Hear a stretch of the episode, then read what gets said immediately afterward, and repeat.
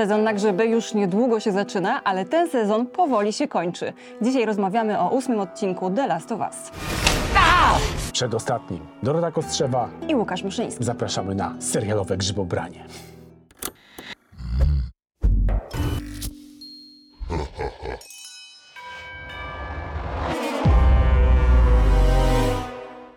No i cóż, po prawie całym odcinku retrospekcji wracamy do Joela i Eli, którzy są w niewesołej sytuacji, są w Colorado, jest zima, Joel jest ciężko ranny, w zasadzie nieprzytomny. No i Eli musi w końcu wziąć sprawy w swoje ręce e, i wyruszyć na poszukiwanie pożywienia. Tak, ja bardzo lubię ten odcinek. E, już mówię to na samym wstępie. Mówię też, że miałam e, duże oczekiwania wobec niego, e, bo przez ostatnie dwa tygodnie właściwie byłam w takim dużym napięciu, co się wydarzy, co się, co się stanie z Joelem. E, W poprzednim odcinku trochę zostaliśmy uspokojeni. Wiemy, że to przeżył, ale wciąż jakaś taka niepewność była, co dalej, no bo w takim świecie, gdzie nie ma lekarstw, gdzie nie ma antybiotyków, gdzie nie ma sterylnych narzędzi, gdzie jest jeszcze w dodatku bardzo, bardzo zimno. Więc ja, ja nie mogłam powiedzieć z, pe- z całą pewnością, że Joel przeżyje. E, Więc pod tym względem czekałam na ten odcinek. I oczywiście też dlatego, że jak się przeanalizuje w rytm tego serialu, to można zauważyć, że po każdym spokojniejszym odcinku, co jest oczywiście spójne z, tak w ogóle z logiką opowiadania historii, że po każdym spokojniejszym odcinku przychodzi taki mocniejszy, no nie? I, i, i to się właśnie tutaj wydarza, szczególnie, że to jest e, ósmy przedostatni odcinek i faktycznie musiało coś się e, zadziać. I się dzieje, i się naprawdę dzieje, i są nowe postacie. Jest super. Tak, e, Eli spotyka nowych, jakże sympatycznych i uroczych ludzi, tym razem e, społeczność, która żyje sobie gdzieś na uboczu tego naszego apokaliptycznego świata. Na czele tego, tej społeczności e, stoi patriarcha, biblijny patriarcha, surowy, ale sprawiedliwy, który dba o swoje owieczki. E, No jest to pastor. Mm, Pastor, który skrywa tajemnicę. Zdradzamy ją? Myślę, że może nie musimy powiedzieć dokładnie, e, co się tam dzieje, e, a nuż ktoś na tym skorzysta, ale właśnie myślę sobie o tym, że on się pojawia właściwie w pierwszej minucie chyba tego odcinka. I kiedy zobaczyłam kaznodzieję na ekranie, to pomyślałam sobie, będzie naprawdę źle. W takim sensie, że będzie naprawdę groźnie. No bo do tej pory Ellie i Joel odbijali się od bardzo różnych grup różnych. No i przyzwyczailiśmy się do tego, że te grupy oczywiście walczą e, o swoje dobro, więc sięgają po wszystkie formy przemocy i są bardzo brutalni. No ale czegoś takiego jeszcze nie widzieliśmy, bo jednak sekta posługuje się o wiele bardziej zawoalowaną formą przemocy. E, no i to się właśnie tutaj dzieje. To jest to jest inny rodzaj przerażenia. No nie, bo poprzednio em, ta rebe, grupa rebeliancka dowodzona przez Katlin, czyli Melanie Liński, e, no ona była taka przewidywalna. Wiadomo, będą, będą się strzelać, będą się bić i wiadomo, co ją niesie.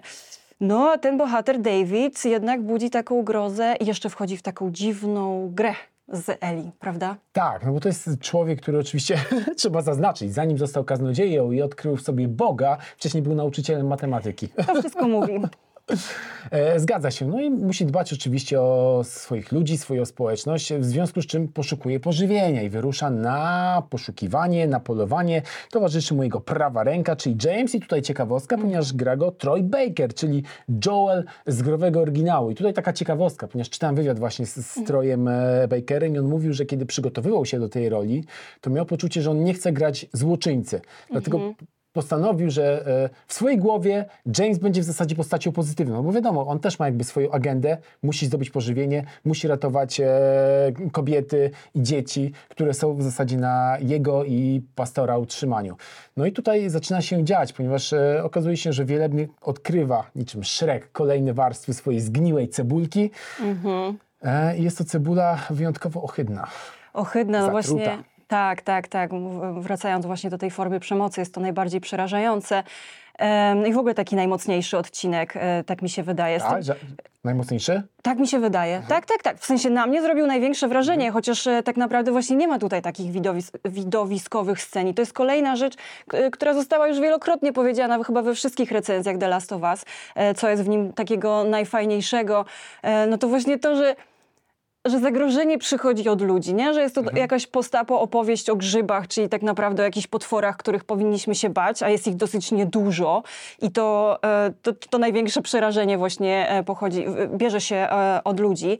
No a tutaj to jest jakieś apogeum, jakaś kwintesencja tego, nie? Bo właśnie myślę, że już w ostatnim odcinku nie, nie, nie będzie takich mocnych scen. No ale... no to jest w ogóle jak dla mnie bardzo horrorowy odcinek. W sensie ten David, ten kaznodzieja w ogóle jest trochę ogrywany jak e, właśnie e, serial killer, e, seryjny morderca. Kropka, więcej nie powiem. E, I też właśnie prowadzi taką grę z Eli. To jest e, bardzo wciągające i takie mroczne, bo on jej jakby próbując przekabacić ją na swoją stronę, e, komplementuje ją, dostrzega wszystkie jej walory i tak jakby mówi, że, że ona jest do niego bardzo podobna. I to też daje dużo do myślenia, bo, bo można przypuszczać, że właśnie taka Eli w mniej sprzyjających okolicznościach mogłaby się e, stanąć e, nim. Czyli tak jakby on jest jej obrazem w krzywym zwierciadle. Więc kiedy ona się z nim mierzy, to też jest to bardzo symboliczne i takie mocne dla mnie. Poza tym tak mi się wydaje, że w tym odcinku e, dużo ciekawych rzeczy wychodzi z bohaterów. I z Joela, i z Eli. Z Eli, która no, musi się opiekować Joelem. Tak jakby prawie, się że zmieniają. odwracają się role i to też e, ma e, jakieś konsekwencje. No, ale chodzi właśnie o to, że t- Podoba mi się to, że ona nagle nie staje się też super bohaterką. No nie, bo niby dlaczego miałaby się stać, więc nawet jak wie, co robić, to różnie jej to wychodzi. Raz lepiej, raz gorzej, em, jak to z prawdziwym człowiekiem. No ale ostatecznie jednak stawia czoła złu sama. I to jest takie prawdziwe zło, co po, podkreślają też te płomienie w, w restauracji, prawda? W momencie, kiedy ona wychodzi e, z tej restauracji, bucha za nią dym, no to to w ogóle jest jakby wyszła z piekła. Więc w tym sensie dla mnie to jest naprawdę bardzo mocny odcinek na takich bardzo mocnych emocjach. Tak, tutaj poczułem vibe w ogóle taki Stephena Kinga trochę, ale dzieci kukurydzy. I ciekawa jest w ogóle analogia, którą David się posługuje, że w zasadzie on musi być jak kordyceps, e, czyli ma karmić i chronić swoje dzieci, zabezpieczać ich przyszłość, nawet jeżeli e, trzeba będzie sięgnąć po przemoc. I właśnie dlatego ta logika jest taka niebezpieczna i taka przerażająca, bo jakby się zastanowić, no to właśnie on robi dokładnie to samo, co te grzyby i co każda inna grupa walcząca o jakby e, dobro swojej społeczności. Więc to jest takie nawet momentami kuszące, no bo gdzieś tam rozumiesz, że takimi narzędziami, jakimi dysponuje, walczy, walczy o dobro e, ludzi, którzy są od niego zależni, nie? Czyli okazuje się w zasadzie, że gdyby Eli nie trafiła na Joela, tylko trafiła na takikiego Davida, to jej losy mogłyby Otóż to. Otoczyć się e, zupełnie inaczej. No ja tutaj muszę wlać odrobinę dziegciu e, do tej byczułki miodu, którą właśnie nalaliśmy. Miałem takie poczucie, że w pewnym momencie przypomina o sobie growy rodobód serialu. To jest ten moment, kiedy Eli zdobywa potrzebną substancję, żeby ocalić Joela i Joel nagle z człowieka, który jest nieprzytomny, niczym Super Mario Bros. wraca do akcji i w zasadzie zmienia się w superbohatera. Ale tutaj masz e, chyba takie poczucie, że e, to świadczy o Tak, właśnie, on walczy o miłość. Miłość. Y, To rac, racja, racja, że może jest to mało wiarygodne, bo jeszcze przed chwilą prawie, że umierał. Ale właśnie niesie go, to jest, to jest takie piękne, bo o Joelu też się dowiadujemy tutaj nowych rzeczy e, w tym odcinku. Znaczy w myśl takich zasady, że wydaje nam się, że już o nich wiemy bardzo dużo, a jednak umieszczeni w nowej sytuacji pokazują swoje nowe oblicza. I Joel też. Do tej pory słyszeliśmy tylko, że on się dopuszczał bardzo brutalnych, y, jakichś mrocznych, robił mroczne rzeczy, tak? No ale trudno było w to uwierzyć, no bo gdzie taki Joel, Pedro Pascal, Pedro taki Pascal. no, cudowny człowiek. A jednak, jednak w momencie, kiedy zaczyna walczyć o, o Eli, widzimy, do czego on jest zdolny. Naprawdę pokazuje zupełnie inne oblicze, jest jak maszyna, ale to właśnie udowadnia, że w tym momencie Eli.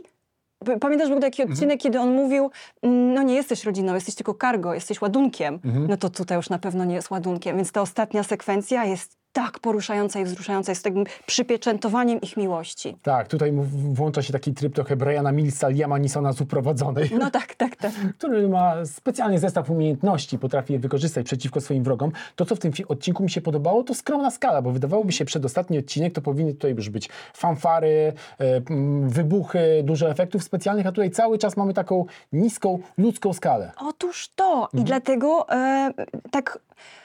Jest, e, wrażenie jest takie piorunujące, nie? Bo właśnie znowu do tego wrócę, że jakby jest takie mocne skupienie na ludziach. I to takich pojedynczych, właśnie niedużych e, grupach, nie spektakularnych scenach akcji, tylko drobnych relacjach międzyludzkich.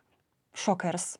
A y, jedna rzecz, przypo- którą No. sobie przypomniałam, y, składam reklamację do Kuby Karasia, który opowiadał o koniu i powiedział, że ten koń, Kuba, to do ciebie, że ten koń będzie w drugim sezonie. Mhm. No ale nie będzie go w drugim sezonie. Nie byłam na to przygotowana.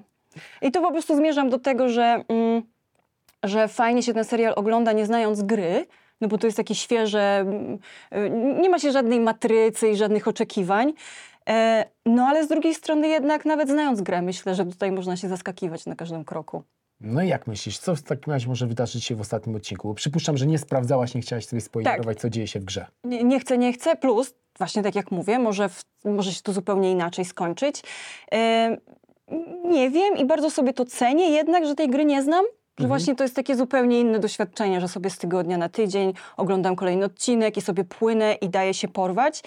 Em, no ale na pewno przez te osiem odcinków zdążyłam sobie na tyle zbudować zaufanie do twórców, że wiem, że cokolwiek się wydarzy, będzie dobrze. Jeszcze mając świadomość, że oczywiście będzie kontynuacja i będą kolejne sezony. Ale tak, e, to, tak to powiem. E, Wiem, że będzie dobrze. Doskonale. Słuchajcie, już za tydzień ostatni odcinek The Last of Us. Piszcie w komentarzach, jak podobał Wam się odcinek ósmy, czego spodziewacie się po odcinku dziewiątym. A my bardzo dziękujemy za uwagę.